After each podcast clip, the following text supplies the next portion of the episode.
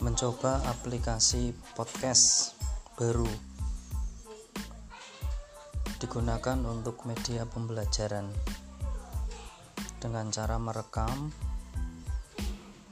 kemudian nanti akan bisa diputar ulang oleh peserta didik.